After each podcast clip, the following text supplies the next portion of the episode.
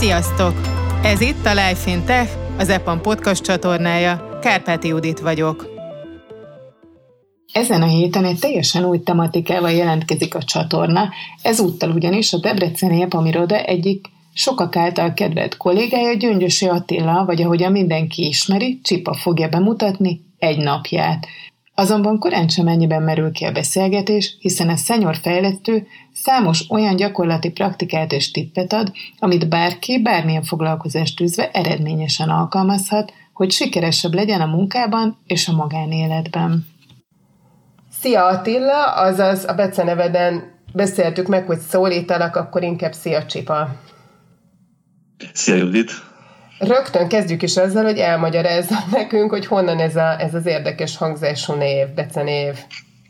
Mondhatnám azt röviden, hogy lenyúltam a Hooligans énekesétől, de, de nem ennyire egyszerű a helyzet. Ez egyébként abban a szempontból érdekes, hogy az ügyfelek is mindig megkérdik, hogy, hogy honnan van.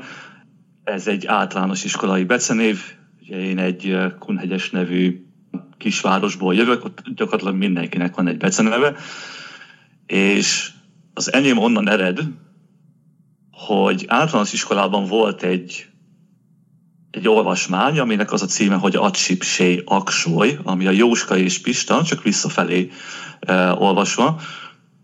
Onnan valamilyen úton, módon ezt igazából én sem tudom megmagyarázni. Az Atsip, tehát a Pistának a visszafelé mondott változata, az valamiért az Attillára megmaradt az osztálytársaim között, és az évek során annyiban módosult, hogy az A betű az elejéről a végére vándorolt, és itt az acsiből csipa, és ezért mondjuk úgy, hogy a helyesírási értelmező kéziszótár alapján is TS-sel kell írni, nem pedig csével. Na hát ez egy teljesen kimerítő magyarázat volt, és most, hogy már tudjuk azt is ebbe beleszőttet, hogy kunhegyesi vagy, honnan indultál, milyen út vezetett ez EPA még?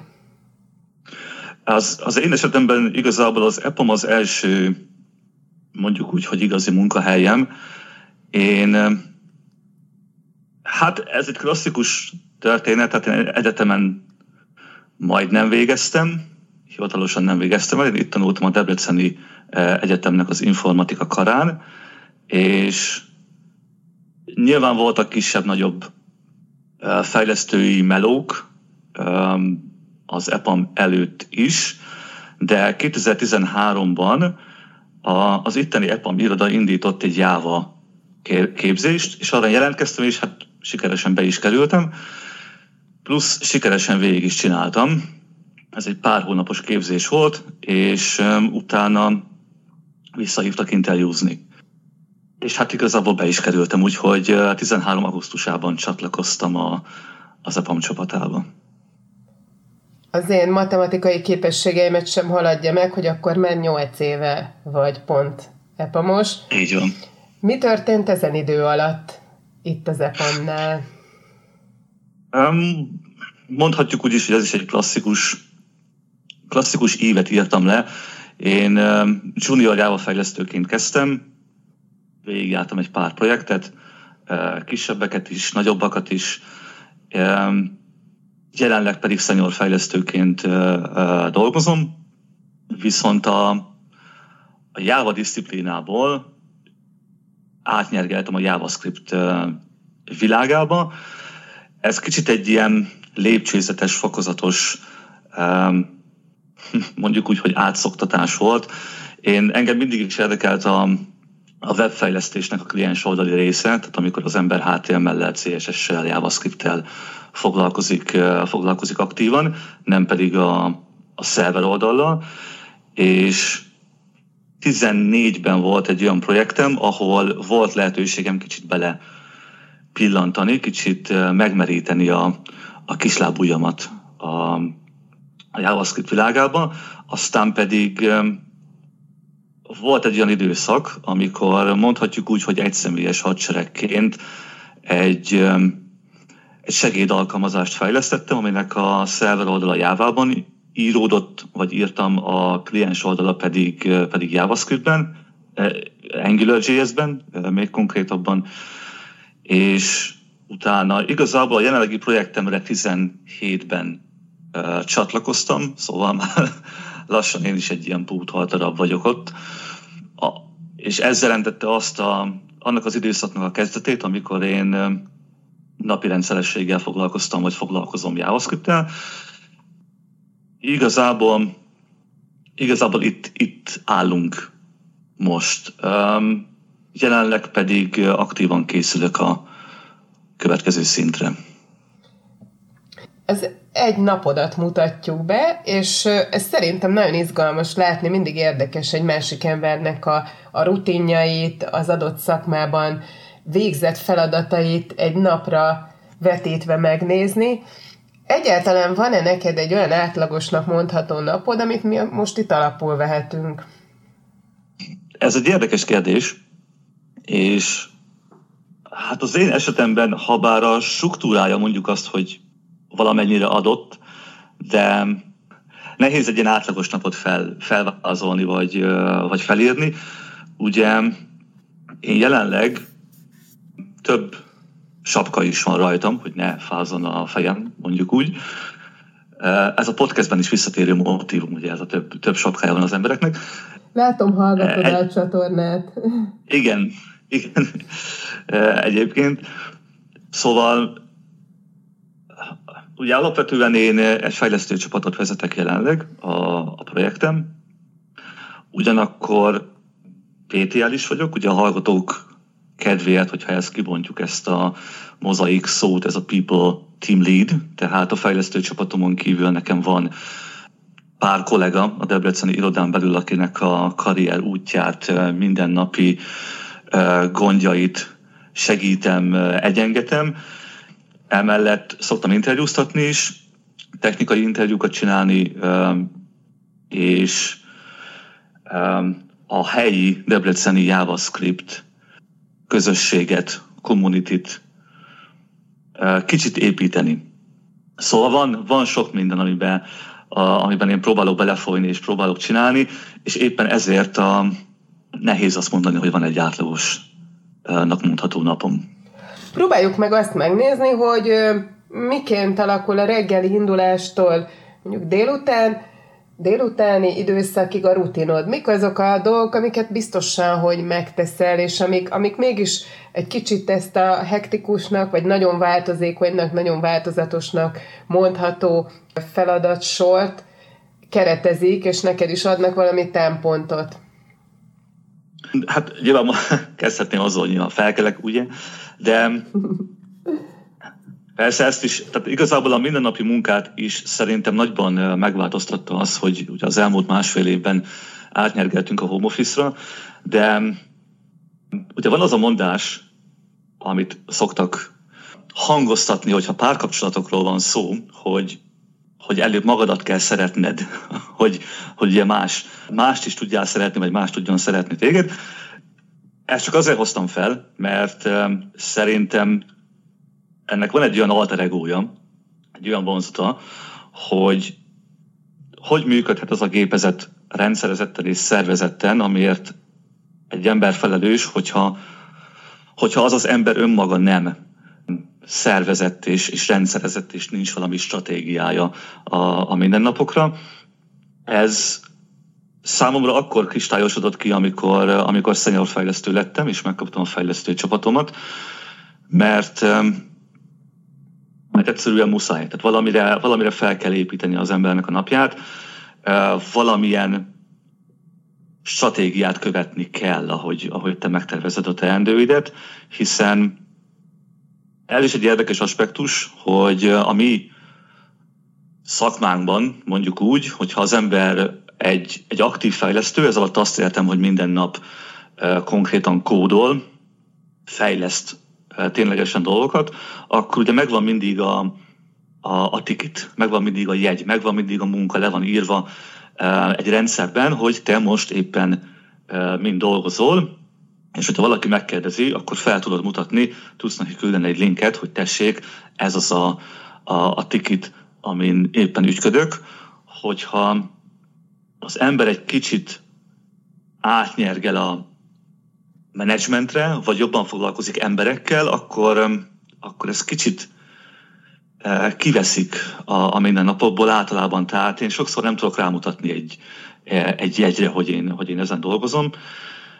Visszatérve viszont a stratégiára, vagy, vagy hogy hogyan kezdődik a nap, ugye ez volt az eredeti kérdés.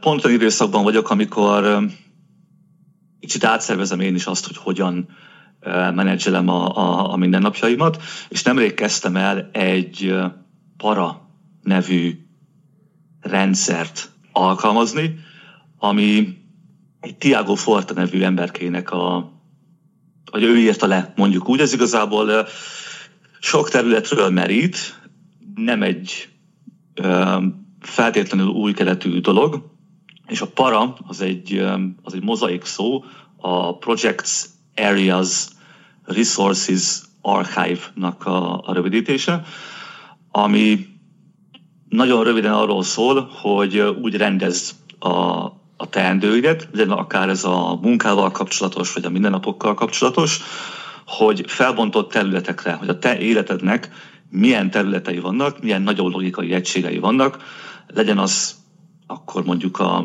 a munka, de akár a munkán belül is nekem ugye egyrészt van a, a, a PTL areám, a fejlesztőcsapat areám, um, és még egy jó pár másik, és ezeken belül meghatározó projekteket, amik ugye mindig egy um, jól meghatározható és időponthoz köthető, uh, határidőhöz köthető projektek, és ezekben veszel fel taszkokat, teendőket, és ugye haladsz egy, egy cél felé folyamatosan a különböző, az életed különböző területein belül, és ezt próbálom most én alkalmazni a, a mindennapokban is, a, a magánéletemben is, és a, a munkában is. Eddig sikeresen. Ez egy szuper gyakorlatias tip volt, és megpróbáljuk a podcast alatti kis ismertetőbe belinkelni, hogy könnyen megtalálja más is. A következő lépés az mi szokott lenni azok után, hogy mondjuk elvégezted azokat a feladataidat, eltelt egy időegység, amiket ennek rendeltél alá. Mi az, ami, ami szintén egy olyan visszatérő dolog, ami, amit követsz, és biztos, hogy mindig megteszel. Lehet akár, gondolok itt ilyenre is, mint hogy van olyan, aki mindig föláll egy pohár vízért, vagy van valami, amivel megszakítja a munkát. E, igen, szerint, és ez ugye napjainkban kifejezetten fontos, hogyha az ember home office-ban dolgozik, hiszen könnyen bele lehet merülni a munkába, és az ember néha azt se veszi észre, hogy nem tudom, már este 8-9 óra van, és úristen. Ugye a klasszikusokon kívül, hogy az ember kimegy vízér, vagy kicsit megnyújtóztatja a, a, a lábait, nekem csak annyi van, hogy tavaly szereztem egy húzózkodó rudat, az itt van mellettem a, a nappali és a hálószoba közötti ajtón, és nekem az a stratégiám, én e- egészen sok megbeszélésben, meetingben vagyok benne a, a mindennapok alatt, és az a policy, mondjuk úgy, hogy minden meeting után minimum 5 húzózkodás, 10 fekvő. Ez a, ez a rutin. Ha az ember elég sok megbeszélésben van, akkor ez nem is egy olyan rossz dolog. És a környéken az összes idős nénének te cipeled fel a szatyrát ezek után, miután ilyen, ilyen izmus már akarod. Van-e ebéd szünet? Van-e tipikusan olyan, olyan időpont, amikor azt mondod, hogy te megéhezel, és, és most akkor akár mi is van, neked abban az időpontban tényleg enned kell? Én azt vallom, visszatérve ugye erre az előző gondolatmenetre, hogy a home office-ban eléggé egybe tud folyni a, az embereknek a munka és a magánélet. Én ezt mindig próbálom a lehető legjobban szétválasztani. Ez azt jelenti, hogy ugye az EPAM-nál, vagy legalábbis az én esetemben reggel 9-től este 6-ig van a, a, a munkaidő. Mondjuk úgy, hogy hivatalosan egy órás ebédszünettel.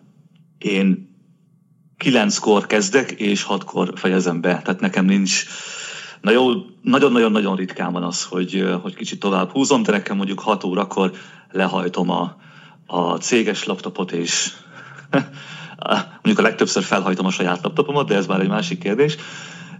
Szóval próbálom ezt elvágni, és ugyanez igaz az ebédszünetre is, ami szintén nyilván, hogyha az ember az irodában van, vagy itthon van, ez egy külön forgatókönyv, én szerencsés vagyok annyira, hogy a, a feleségem csinál ebédet röviden, tehát az ebédidő az kb. ebben, ebben kiberül, de hogyha az irodában vagyok, akkor nyilván pár kollégával elmegyünk valamerre.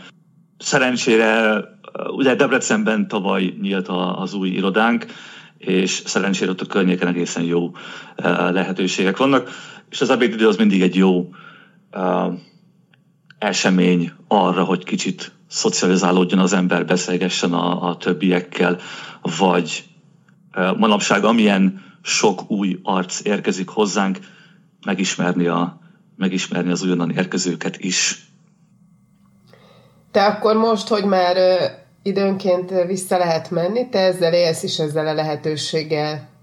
Jelenleg az a tendencia, hogy egy hónapban minimum egyszer visszatérek. Legalábbis nyáron én ezt, ezt tapasztaltam saját magamon, aminek vannak praktikus vonzatai is, tehát például egy pár hónappal ezelőtt volt egy olyan szituáció, amikor egy nagyobb volumenű fejlesztést kellett megbeszélni, eltervezni, átgondolni, és akkor ezt úgy csináltuk, hogy az érintett fejlesztők, illetve jó magam, bementünk az irodába, és akkor klasszikus módon négy szem közt, vagy nem tudom, nyolc szem közt fehér táblával összejöttünk, és, és gondolkoztunk. Ugye ezt kicsit nehéz kivitelezni a home office-ban, hogyha mindenki online becsatlakozik egy meetingbe, kamerával vagy kamera nélkül. Ez egy kicsit talán a hátulütője a jelenlegi felállásunknak, hogy amikor tényleg össze kell ülni, és gondolkodni kell dolgokon, és rajzolni kell, és el kell mélyülni, akkor ezt személyesen együtt még mindig sokkal könnyebb, mint, mint online. Említetted, hogy 6 órakor lehajtod a laptop tetejét. Ez mindig így volt, vagy ehhez szintén volt valami olyan, nem is tudom, fejlődési vonal, ami által eljutottál, hogy be tud fejezni, és ne szippantson be a munka, és utána jöhessenek a saját dolgaid, a saját laptopod, a magánéleted? Alapvetően, alapvetően ez nekem mindig is így ment, tehát én szeretem elválasztani, én szeretem a saját időmet egyébként, úgyhogy ezt mindig próbáltam szétválasztani. Persze vannak olyan szituációk, és ez minden, szerintem minden kollégám esetében játszik, amikor valami olyan érdekes dolgot csinálsz, olyan érdekes területre kell, területen kell elmélyedned, ami, ami nem hagy nem hagy téged elszakadni, és annyira belerázódsz, annyira belemélyülsz, hogy, hogy csinálod, mert, mert jó igazából. Itt most persze mondhatnám azt is, hogy ez az egyik lényeg annak, hogy mondjuk én is szoftverfejlesztő vagyok, és ezt tanultam, és ezt szeret, nekem ez egy szenvedély igazából. Úgyhogy ugye ez nem, ez nem munka, hanem már majd, hogy nem kedvtelés, e, és hál' Istennek fizetnek is ezt, mondhatjuk úgy. E, szóval könnyű elmélyedni abban, amit e, szeret csinálni az ember. De én ezt mindig elvágtam, megpróbálom elvágni, úgyhogy ebédszünetben is, meg a munka után is, ha én éppen nem valami saját projektet fejlesztek, akkor én olvasni nagyon szeretek. Egyébként szóval az ilyen üres járatokban felkapok valami, valami olvasmányt. Egyébként, ha, ha kicsit lehet kitérni, sidetrackelni egy, egy kicsit, az én filozófiám az, ami igazából a mindennapi munkavégzésben is megnyilvánul, amit én úgy szeretek hívni, hogy non-zero day, tehát a minden napjaidban legyen mindig egy, tehát amit szeretsz csinálni, és vagy kell csinálni, abból legalább egy kicsit csinálj. Hogyha, hogyha az ember edz, olvas, nem tudom, sorozatot néz, videójátékokkal játszik, legózik, bármit csinál, az egy kicsit legyen benne a mindennapjában. Ez az én esetemben azt jelenti, én mondjuk egyszer három könyvet olvasok, egyet e-book olvasón, egyet egy rendes fizikai fából, papírból készült könyvet, illetve hallgatok egy hangos könyvet, és minden nap minimum 10 percet ezekre én szánok. Tehát nekem így van betervezve a napom, hogy minimum 10 perc az, az menjen el ezekre. Mindig legyen egy olyan szakmai cikk, vagy, vagy podcast anyag, vagy bármi, amit én elolvasok, meghallgatok, elfogyasztok, de, de minden nap tanuljak konkrétan valami újat az én szakterületemen belül, tehát hogy ne, ne nulla legyen az adott terület, ha lehet, akkor egy kicsit.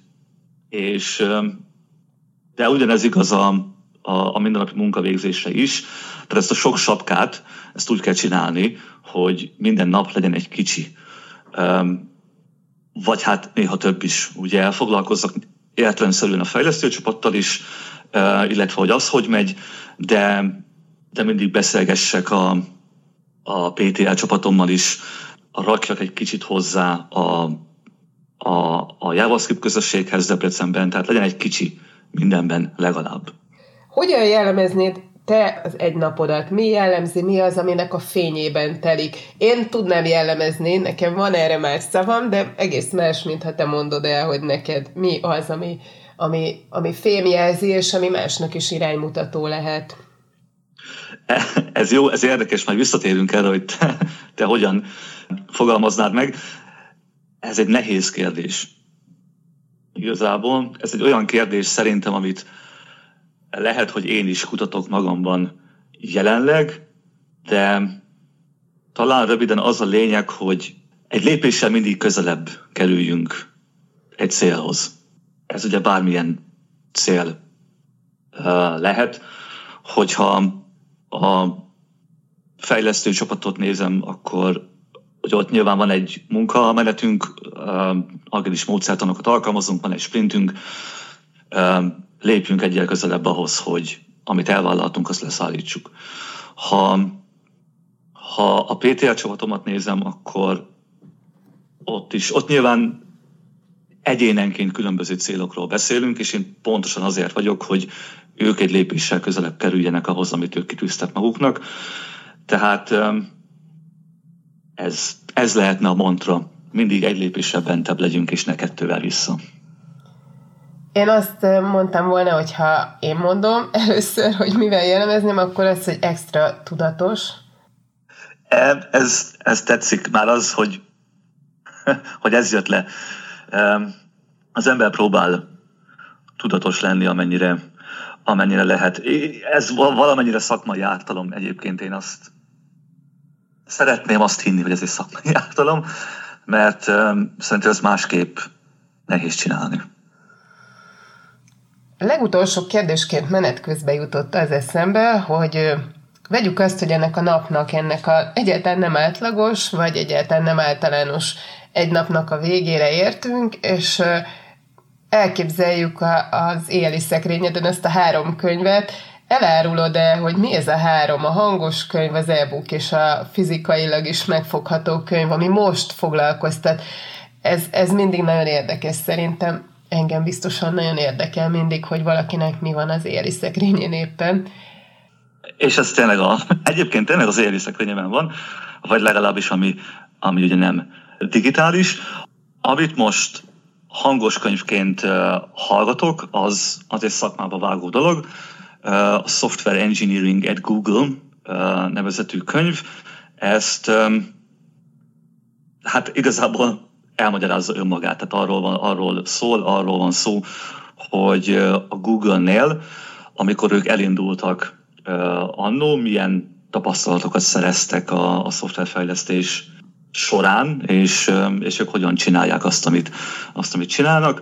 Amit, amit e-bookként olvasok, az egy, az egy regény, az Jeffrey Deavernek a Hú, mi a magyar címe? Angolul olvasom egyébként, Kőmajom a, a, a címe.